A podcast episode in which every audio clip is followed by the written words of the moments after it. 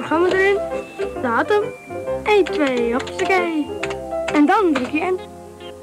Nou, hij doet dus niks, meneer de computerexpert. Dan moet je IBM bellen. Of je stopt de stekker erin. Hey, leuk dat je luistert naar weer een nieuwe podcast van Of je stopt de stekker erin. Mijn naam is Baren Baassen en ik zit hier samen met... Tony Bastiaans. En vandaag is aangeschoven. Martijn van Amstel. Uh, welkom, leuk dat je er bent. Uh, we doen eerst... Aan, zeg eerst eventjes, wat, wat doe jij bij IBM? Ik, nou ben verantwoordelijk voor onze automation portfolio en public cloud portfolio. ik kan me voorstellen dat automation niet meteen een belletje gaat rinkelen, wat dat betekent. Um, bij ons uh, ja, is het eigenlijk tweeledig. Aan de ene kant kijken we zeg maar, naar, uh, naar hoe we uh, robotics, dus eigenlijk processen kunnen automatiseren. ook kijken naar process mining. Van joh, welke processen zou je eigenlijk willen automatiseren? Waar kan ik de grootste impact op hebben? Dat is aan de ene kant van het portfolio. Aan de andere kant kijken we naar hoe kunnen we IT operations efficiënter maken met analytics. En hoe kunnen we daar zeg maar, voorkomen zeg maar, dat systemen down gaan? Ja, dat is heel belangrijk. Dus dat is het, uh, dat is het automation portfolio. En het andere portfolio is, uh, is public cloud. Uh, dus verantwoordelijk voor onze volledige public cloud portfolio die we als IBM, IBM aanbieden. Oké, okay, interessant. Ik, zeker dat robotics wil ik straks even iets meer over weten. Want ja, ik, mijn beeld, ik denk in beelden altijd. Dus maar daar wil ik graag zo even, ja. even wat dieper op ingaan. Dat vind ik wel even interessant. Zeker. Uh, maar we doen eerst eventjes uh, de highlights, zoals gewoonlijk. Normaal, uh, misschien is het jullie opgevallen, zitten we met vier personen. Vandaag zitten we even met drie. vakantietijd, dus dat, dat komt wel eens voor. Um, highlights. Geef Martijn alleen meer spreektijd. Dus ja, precies. Dat nou, ik helemaal ook te denken. Dus moet je gewoon veel meer tijd gaan vullen in hetzelfde. ja, dat, dat, dat komt helemaal goed. ik had zelf de nieuwe processor van de IBM Z meegenomen. als ik goed uitspreek, de Telum processor. Uh, heel interessant. Uh, 8 cores bevat hij, weer een 5 gigahertz processor is het. Maar er is nu een complete snelweg voor AI eigenlijk aan toegevoegd. Wat je dus ziet. En, en ook, je zegt er ook net al, automatisering en um, op, op de cloud. Robotica, en, maar dat zie je dus ook gewoon nog terug bij de IBM Z. Waar eigenlijk AI nog steeds gewoon erg belangrijk is. Of misschien wel een van de hoogste punten wordt uh, binnen die BMZ. Dus ik, ik zie je echt knikken naar me toe uh, als je dit over wil zeggen. Nou ja, ik, zeggen, ik denk dat, uh, zeker als je nu kijkt naar de aankondigingen. Um, ik denk als je ziet waar mainframe wordt gebruikt, betalingsverkeer. Um, ik denk en ook als je de use cases rondom betalingsverkeer ziet. Uh, fraudedetectie, wat nu natuurlijk vanuit alle banken, die hebben een, een zorgplicht. Ja. die moeten fraude kunnen detecteren. En uh, ja, wat we in het verleden uh, veel deden, is dat je analytics op een cloudomgeving uh, doet. Dat betekent zeg maar, dat je data, je transacties naar de cloudomgeving toe gaan. je doet daar je scoring op of iets fraude is ja of nee. maar je brengt daarmee ook een hele hoop latency ja, naar in je, in je, in je detectiemechanisme. Ja. En hoe mooi is het als je gewoon je, eigenlijk je, je, je, je scoringsmodel rechtstreeks op een mainframe kan, kan draaien. En uh, ja, in een fractie van uh, millisecondes uh, je detectie kan doen en af bent van de latency. Ja. En ook met ja, public cloud ja, hebben wij ook een model waarmee we zeg maar ja, cloud services naar on-premise systemen toe kunnen brengen. Uh, zodat we inderdaad ook gewoon de analytics kunnen doen daar waar de data is. Dus ja, ik uh, juich dit soort ontwikkelingen alleen maar toe. Ja. ja. en wat ik daar nog even aan toe wil voegen is, uh, want je zegt natuurlijk, des te dichter je AI bij je data hebt, des sneller kun je daar natuurlijk je, je, je, analytics op, op uitvoeren. Maar wat deze nieuwe processor ook heeft, die heeft een, een veel grotere cache, waardoor je dus veel meer data rechtstreeks in de chip kan duwen. En daar ook gelijk je AI op uh, doen. Dus daardoor wordt het nog sneller. En natuurlijk al die voordelen die die BMZ heeft, zoals uh, encryptie. En ja, ik, ik vind het fantastisch. Ja, ik, ik, vind het leuk. Ik vind sowieso, als, je, als je kijkt naar Z en bijvoorbeeld public cloud. weet je, je zal geen ja, mainframe vinden in de public cloud. Maar het mainframe is zo verschrikkelijk belangrijk binnen onze cloud-omgeving. IBM die heeft nu al, uh, al, een aantal jaar de strategie uh, rondom FSS Cloud. En um, vanuit de technologie is dat volledig geënt op mainframe technologie. Uh, dat betekent bijvoorbeeld zeg maar, dat wij, nou ja, goed, ten opzichte van andere cloud providers, ehm, hebben wij een keep your own key principe voor, voor encryptie. Dus dat betekent zeg maar, dat nou, onze klanten die zijn, die gebruiken hun eigen sleutels om de encryptie uit te voeren. En die sleutels zijn ook in het bezit van de klant. Heeft IBM die ook? Die heeft IBM die ook, zeker. Ik wil zeggen, dit is wat, wat IBM onderscheidend maakt ten opzichte van de andere cloud providers. Ja, nou, sorry, sorry dat ik je onderbreek. Ik bedoel meer, krijgt IBM die keys ook? Dus heeft de klant de key en IBM de key, oftewel kan IBM dan ook bij die data? Nee, zeker niet. Wij hanteren het keep your own key principe. Dus uh, we hebben twee soorten van, uh, van, uh, van ja, keep your own key principes. Eentje is use your own key, dus bring your own key. Dat betekent zeg maar, dat de klant zeg maar, de encryptie doet, maar die geeft daarmee ook de sleutels aan de cloud provider. Um, wij zijn er anders in. Wij bieden de mogelijkheid aan klanten om keep your own key te hanteren. Nou, wat heeft dat met het mainframe te maken? Is waarschijnlijk de volgende vraag. Uh, binnen het mainframe zit een zogenaamde hardware security module. Die gebruiken wij zeg maar, om de encryptie te, te, te voeren zeg maar, uh, voor onze klanten en ons keep your own key mechanisme te hanteren. Uh, de hardware security module die erin zit, die is dedicated voor de klant. En dat is iets wat ons absoluut onderscheidt. En ja, hierin zie je ook weer zeg maar, hoe belangrijk een mainframe is voor de IBM cloud wereld. Ja. ja. want dit is geen stukje software, dit is een stukje hardware. Dit is een uh, combinatie van hardware en software. Dus uh, een hele hoop API's die de integratie mogelijk maken, maar zeker ook de hardware. Uh, dus inderdaad, als je naar het HSM kijkt, de hardware security module. ik denk dat jullie beter weten dan ik, zeg maar, hoe die in elkaar zitten en wat erin gedaan is om die tamper-proof te maken. Dus ook als je die bijvoorbeeld uit mainframe zou willen verwijderen, ja, uh, op het moment, dat, je verwijdert, dan, uh, ja, dan verdwijnt je hardware. Die, uh, die wordt gewoon volledig vernietigd. Aan de andere kant, weet je, omdat we hier een hele tijd mee bezig zijn. Um, de audit certificering is net zo belangrijk. Ik denk, ja, je kan zo'n machine wel in een cloud-omgeving prikken. Uh, maar het gecertificeerd krijgen door de auditor duurt ook minimaal een jaar. En uh, ja, we zijn ja, heel blij dat we op dit moment zeg maar, deze capabilities hebben. Ook gezien de, de wetgeving uh, die dat uh, gewoon vereist vanuit Europa. Ik denk voor overheden zie je Gaia X, waar heel veel om te doen is. Met het gebruik van data en het beschermd houden in Europa. We zien het bij Dora, we zien het bij Schrems 2. En um, jij komt nu heel veel van die termen langs voor jou, want voor jou is dat, dat redelijk ja. term. Moet dat een beetje als zien waar we met, met de GPR-regelingen daar in, in, in dat soort categorieën zien? Nou, bijvoorbeeld absoluut. Ik denk zeker als je uh, het, ik wil zeggen, waar het eigenlijk om gaat, zeg maar dat je eigenaar blijft van je data. Uh, dat die binnen de Europese Unie blijft, binnen het land blijft. Jij als klant blijft eigenaar van je data. Dus alles rondom confidential computing, dat is extreem belangrijk voor onze klanten. Uh, dat het zeker niet buiten de Europese Unie gaat. En als het gaat, uh, nou ja, goed. We hebben, de klant heeft zelf de sleutels van de encryptie. Dan gaat de encrypte data uh, over de lijn. Ja. Ja. En, en, en daar even op voortbordurend, uh, want je pakt hem al, mooi op, dat vind ik erg interessant. Um, je zegt ook binnen de EU blijven. Zie jij nu, omdat jij zit echt in die, in die cloud-omgevingen, zie je nu dat daar zo, zo als neveneffect van die brexit, dat daar nog ook weer allerlei movements zijn, dat het allemaal al de data weer richting het uh, vasteland komt, uh, zo gezegd? Ja, dat is grappig. We hebben uh, een project gedaan zeg maar voor, een, voor een klant die inderdaad zeg maar, gespreid is over, over nou ja, Engeland of Groot-Brittannië en, en Europa.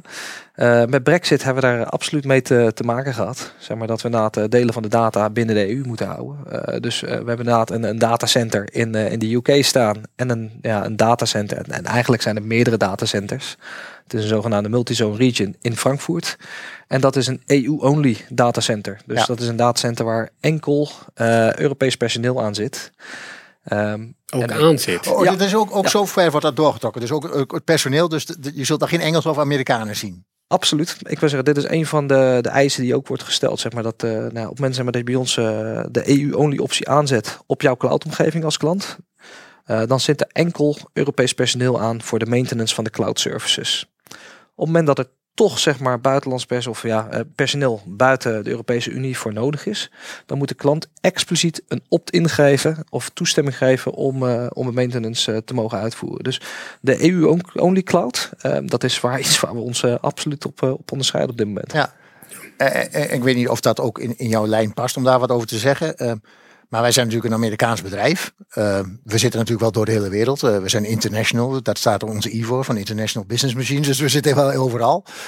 Zie je nou ook daar nog bewegingen in, in de EU? Want ik, ik volg ook een beetje het open hardware verhaal. Wat je ziet natuurlijk met processoren en dat soort dingen doen. Dat daar ook wat uh, veranderingen in komen. Merk je dat daar ook regulaties die kant op gaan? Of, of zijn ze nog niet zo ver in de EU dat ze zeggen van... we willen straks ook alleen Europese machines? Nou, als, ik zou zeggen, je ziet daar de, de Europese wetgeving. Uh, ik denk als je kijkt naar het Gaia X uh, uh, verhaal, of wetgeving die daar, of regelgeving, het is nu een directive. dan zie je daar eh, absoluut zeg maar, dat, eh, dat er vanuit Europa veel meer eh, regelgeving komt om eh, ja, Europese cloud providers te gebruiken. Waarbij eh, ja, binnen de Europese landsgrenzen je data blijft en ook de compute blijft. Ja. Eh, met Europees personeel. Dus daar hebben we eh, ja, vanuit eh, ja, IBM is daar heel veel aandacht voor om ook daaraan te voldoen. Want eh, op het moment dat we er niet aan voldoen, dan zetten we ons voor een heel groot gedeelte buitenspel. Ja, klopt. Ehm, dus ja, dat heeft eh, absoluut onze hoogste, grootste aandacht. eh. ja, dat snap ik. En ik, Denk ik kan me ook voorstellen dat het af en toe wel... Ja, het is, het is goed hoor, dat, die regeling. Maar af en toe ook wel eens wat lastiger maakt om, om bepaalde lijnen wel te volgen. Niet te volgen. En met, het, met opt-in en niet opt-in. Dat dat, eh, ja, dat natuurlijk wel uitdagend is. Nou, absoluut. Ik wil zeggen, we zien het ook bij eh, heel veel vragen die we van klanten eh, terugkomen. Eh, ja, worden deze eisen ook gesteld? En ehm, ja, soms zijn die, soms zijn die heel gedetailleerd. Ehm, maar ik denk dat we met, weet je wel, de, de EU-only cloud ehm, en onze confidential computing oplossing, dat we daar de meeste van, van kunnen beantwoorden. Oké, En aan interessant. kunnen voldoen. En, en, en als je nou kijkt, want we, zitten in Nederland. Heeft Nederland dan ook nog weer specifieke regelgevingen dat, dat, dat daar bijvoorbeeld voor Nederlandse dingen weer extra op on top of de Europese zitten? Dat je daar dus als Nederlandse partij eh, nog extra dingen weer moet, moet doen? Of? Ja, nou ja, en dat gaat eigenlijk zo ver, zeg maar. Dat is, ja, ja, dat klopt. Dus we hebben inderdaad de Europese regelgeving. Eh, daar zie je vaak een Nederlandse implementatie van en ook Nederlandse aanvullingen. En daarnaast hebben bedrijven ook nog specifieke eh, wensen en eisen. Eh, dus het gaat eigenlijk vanaf ja, ja, wereldwijd naar Europees, naar lokaal, naar Nederlands, naar echt specifiek voor, voor een bedrijf. En ehm, ja, dat, kan, dat kan een hele klus zijn om daaraan aan, te, ja, aan te voldoen. En, en ja, je zit met een aantal systems mannen aan tafel. Dus het wij zijn echt van de harde waren. Wij willen graag eh, Eraan zitten.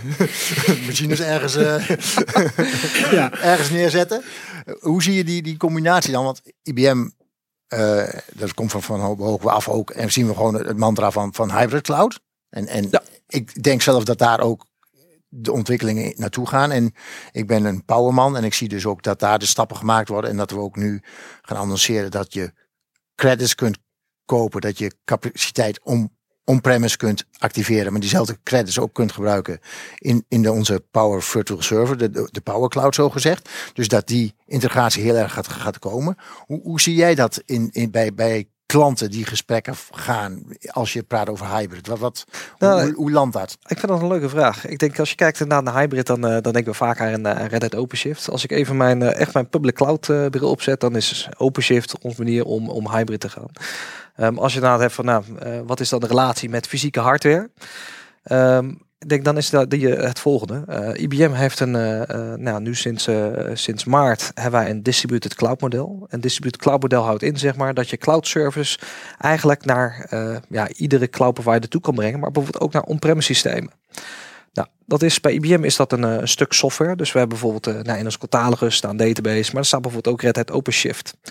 Wat wij kunnen doen, bijvoorbeeld als je naar on-premise toe gaat, een deployment doen op infrastructuur die een klant on-premise heeft staan. Ik denk ja, daar moeten natuurlijk machines voor worden aangekocht. Ja. Ja. Uh, daar moet storage voor worden aangekocht. En daarbovenop gaan onze clouddiensten draaien. Ja, nou, als je dan kijkt van joh, waar zit nou de scheidslijn uh, qua beheer, wie doet wat, dan zie je dat de, de infrastructuur provider, of eigenlijk de, de, degene die datacenter beheert, uh, tot aan de hypervisor het beheer doet. Dus die is verantwoordelijk voor de uptime zeg maar, van de fysieke machines tot aan de hypervisor.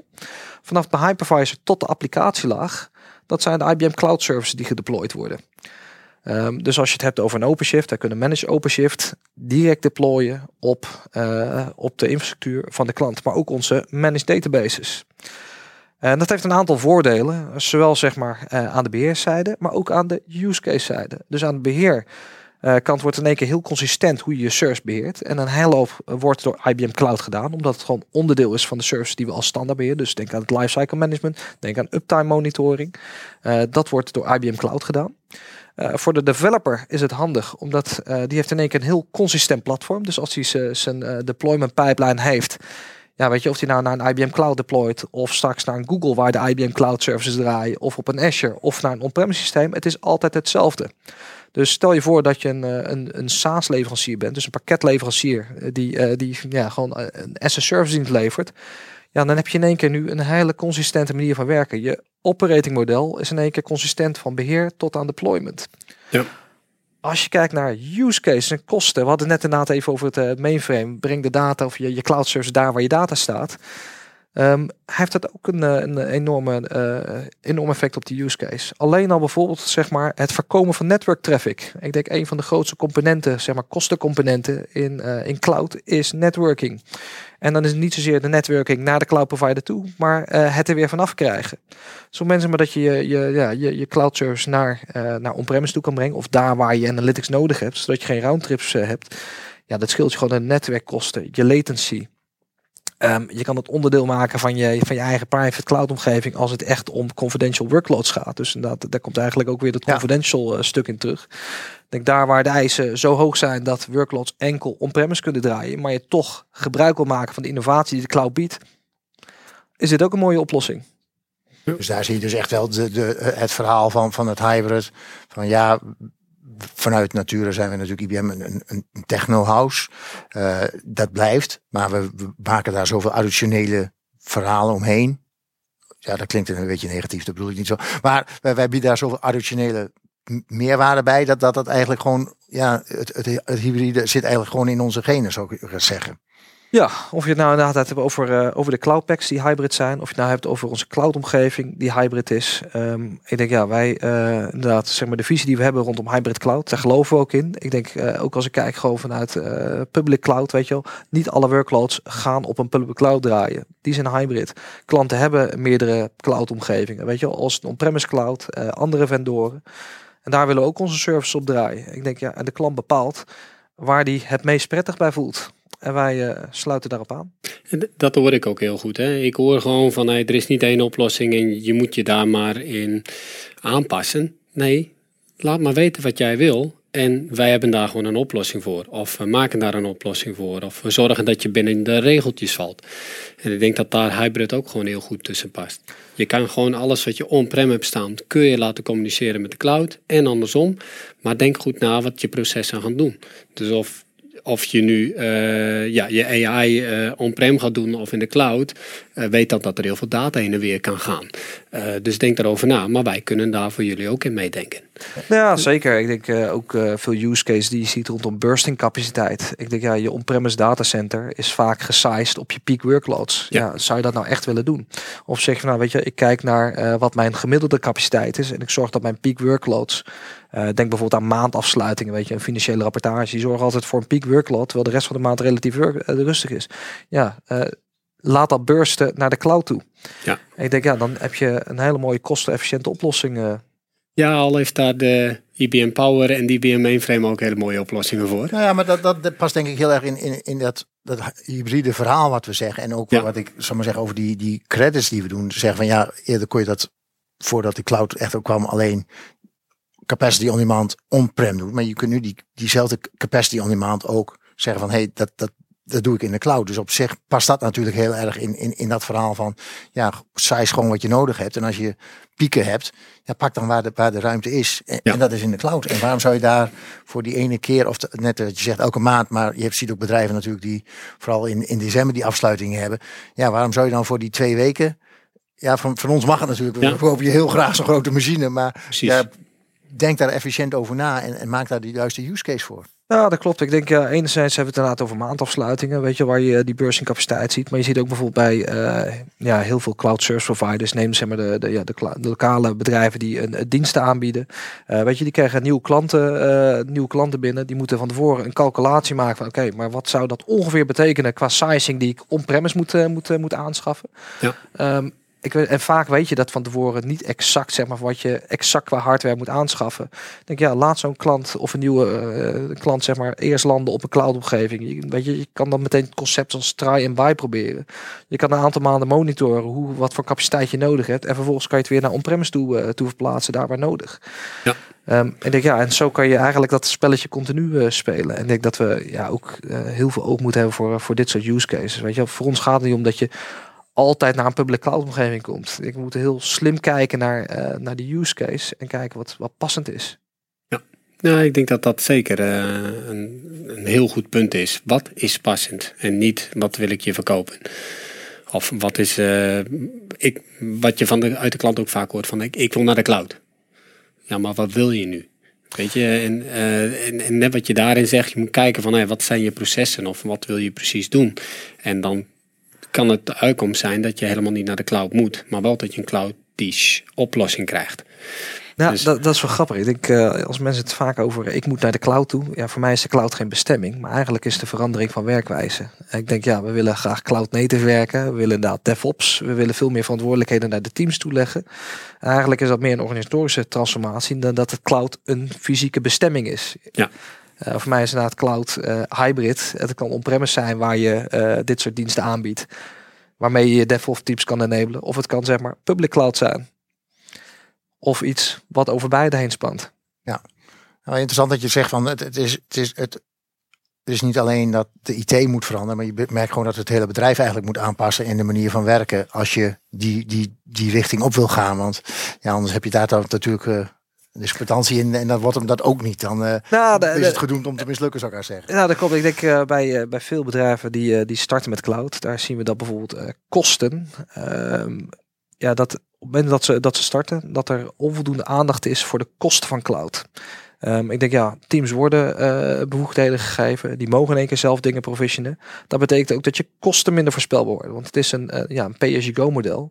Terwijl eigenlijk de meeste bedrijven heel voorspelbaar willen zijn in de kosten die ze maken. Dat zijn mijn kosten over Eh, vijf jaar en niet wat is het eh, aan het einde van de maand. Ja, ja en eh, ik zeg, als je daar geen goed governance op zet rondom je kosten, dan, eh, ja, dan kom je vaak voor verrassingen te staan. En dat is ook iets wat we eigenlijk in ieder gesprek meepakken. Van, let op. De kosten. Ik Ja. denk, ja, natuurlijk zijn we blij als er meer, eh, meer omzet gedraaid wordt op de public cloud. Eh, maar als we uiteindelijk eindigen in een klant zeg maar, die voor onverwachte kosten staan, zijn wij ook niet blij. Nee. Krijg je een hele nare discussie en dat wil je gewoon niet. dat zijn gewoon geen leuke discussies. Ja. En eh, die pakken we in ieder gesprek heel erg hard mee. En dan proberen we ook eh, Ja, ja, goed naar te ik, kijken. ik, ik zie je Baard al even op de klok. Ik, ik wou even één ding nog even terugpakken, want dat, dat triggerde jij mij een beetje mee met het begin toen je je voorstelde. Je zat, zat ook op robotics en, en mijn technische brein zie ik dan meteen mannen van die eh beat me op Scotties en eh, dat soort dingen in, in robotics. Maar ik denk dat jij dat jullie robotics iets anders zien, als meer als geautomatiseerde processen of zo. Moet Ja, dat klopt zien? helemaal. Ik kan zeggen, inderdaad, als je mij vraagt robotics, dan zie ik inderdaad ook als eerste zeg maar een, eh, een robot in een assemblagelijijn staan die, eh, die iets voor me maakt. Nee, Jammer. hier gaat het over eh, procesautomatisering. En natuurlijk kunnen we de combi maken met, eh, met robotics. Ik kijk naar, eh, eh, ik weet niet of jullie de, de Mayflower kennen. Ehm, Ja. Maar daar zit inderdaad een heel groot eh, stuk combinatie in tussen die twee. Ehm, maar waar we En, robotics en power. En power, uiteraard. maar waar wij robotics eh, heel veel zien is, eh, nou, ik neem een voorbeeld van een, een, een, een use case rondom, eh, rondom klantcontact. Ehm, ja, je ziet dat nu bijvoorbeeld heel veel klantcontact wordt afgehandeld door een chatbot. Eh Chatbot is heel eh, eenvoudig om de ja-nee-vragen te beantwoorden. Maar kan ik er ook daadwerkelijk echte dienstverlening mee doen? Kan ik er bijvoorbeeld een bankrekening mee openen? Kan ik bijvoorbeeld een, een, een bestelling doen? Ehm, en daar zit vaak een stuk eh, ja, proces achter waar nu handmatig mensen eh, ja, dingen voor in back-end systemen doen. Nou, met robotics proberen we dat soort workflows eh, te automatiseren. En met eh, het e- het toevoegen van de AI proberen we ook de complexere processen eh, op die manier te automatiseren. Een hele hoop processen die zijn recht toe recht aan, waar, waar er een hele rigide beslisboom is. Maar ik denk dat we op dit moment op het punt zitten waar wij kijken van nou weet je het, we willen verder dan dat. Ehm, ja, zeker daar, weet je, we hoeven natuurlijk niet eh, COVID meteen aan te halen. Maar ik denk wat het wel voor heeft gezorgd, is dat we eh, met massaal zijn gaan thuiswerken. We enorm veel digitale kanalen zijn gaan gebruiken. Niet alleen zeg maar, als consument, zeg maar, dat we eh, digitaal contact leggen met, met bedrijven. Maar ook als medewerker. Ik denk, we zijn zo verschrikkelijk veel naar HR-vragen aan het beantwoorden, intern. Of, en ook daar zien we een enorme ja, kans liggen voor automation en robotics om ook dat soort workflows eh, ja, te automatiseren. Oké, ja, En- duidelijk. Ja, helaas dus wat, wat, wat ik al dacht dat het was en niet het spannende. hè. Niet het mooie robotje wat het... eh, Werk dus niet mee aan die robot die op de maan eh, of op, op, op Mars rondrijdt. Nee, nee, Nou, dat is dan wel jammer. Ja. Oké. Nou, Moeten we toch elke keer even zeggen hoor. Dus, eh, want hij zegt wel international van IBM. Maar volgens mij gaan we al veel verder tegenwoordig. ja, dat klopt. Eh, Ja. Hey, eh, jongens, ja, sorry. eh, het is een zeer interessant gesprek. Maar eh, we zijn alweer over onze tijd heen. Dus eh, Martijn, ik wil je echt bedanken. Eh, je hebt ons gigantisch veel inzicht gegeven rondom de cloud of de cloud oplossingen. Eh, ik snap ook wel dat veel mensen ehm, vragen zullen hebben naar deze, naar deze podcast. Nou, die kun je natuurlijk altijd stellen naar eh, mijn e-mailadres. Dat is eh, of je stopt de stekker erin, at nl.ibm.com. Vraag gewoon of zoek Martijn op. Martijn van Amstel op internet. En ik denk dat hij altijd klaar staat voor een gesprekje. Om, of kan iemand naar je toe wijzen om je te adviseren in dit soort oplossingen. Ja, absoluut. Zoek me op op LinkedIn. En Ja. anders Een mijn e-mailadres uh, Ja. martijn.vanamstel.nl.ibm.com. Nou, ik zal hem ook zeker in de show notes eh, toevoegen, dus daar, eh, daar kun je hem ook vinden. Ehm, ik denk zeker dat we nog eens een keertje iets dieper op een van je onderwerpen eh, ingaan, want ik vond het allemaal wel interessant. Ja, en het is redelijk breed. En ik denk dat we zeker nog wel wat dieper in kunnen gaan op, op een aantal dingen. We hebben ook een heel mooi portfolio. Daar ben ik erg blij mee. Hij blijft enthousiast, hè? Dat gaat zeker nee, dankjewel. Het was echt erg inspirerend gesprek. En ik vond het erg eh, ook eh, voor mij weer inzicht uh, geven. Dus uh, dankjewel daarvoor. Dank voor je tijd. Ja, graag gedaan. Jullie Hey. ook bedankt. Oké, tot de volgende podcast. En uh, voor nu trekken we de stekker eruit. Ja.